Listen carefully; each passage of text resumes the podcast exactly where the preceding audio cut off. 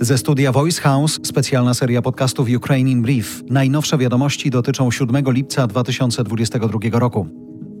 Brytyjski premier odchodzi. On sam jako szef rządu, ale też Wielka Brytania jako kraj są dużym wsparciem dla Kijowa. Johnson był prawdziwym przyjacielem Ukrainy, a Wielka Brytania jest po słusznej stronie historii, mówi w CNN prezydent Ukrainy. Zełęński nie spodziewa się zmian w polityce Londynu po dymisji Johnsona.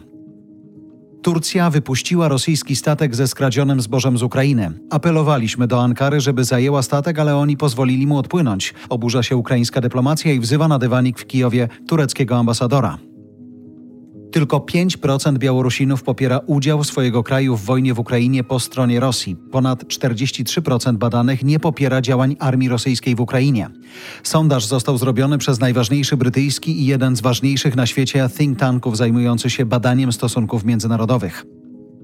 W przypadku konfliktu zbrojnego między krajami europejskimi a Rosją, Białoruś przeprowadzi ataki rakietowe na cele w Polsce, grozi zastępca szefa Sztabu Generalnego Sił Zbrojnych Białorusi. Ponad 70% nakierowanych i kierowanych pocisków rakietowych wystrzeliwanych przez Rosję na Ukrainie nie osiąga swojego celu, twierdzi wiceszef Sztabu Generalnego Sił Zbrojnych Ukrainy. Jego zdaniem to świadczy o wysokiej skuteczności istniejącego systemu obrony powietrznej Kijowa.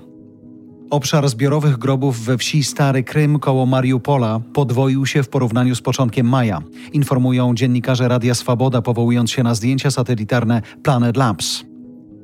To było Ukraine in Brief od Voice House. Kierownictwo produkcji Dorota Żurkowska. Redakcja Agnieszka Szypielewicz. Dystrybucja Olga Michałowska. Realizacja Kacper Majdan. Dźwięk Kamil Sołdacki. Redaktor naczelny Voice House Jarosław Kuźniar.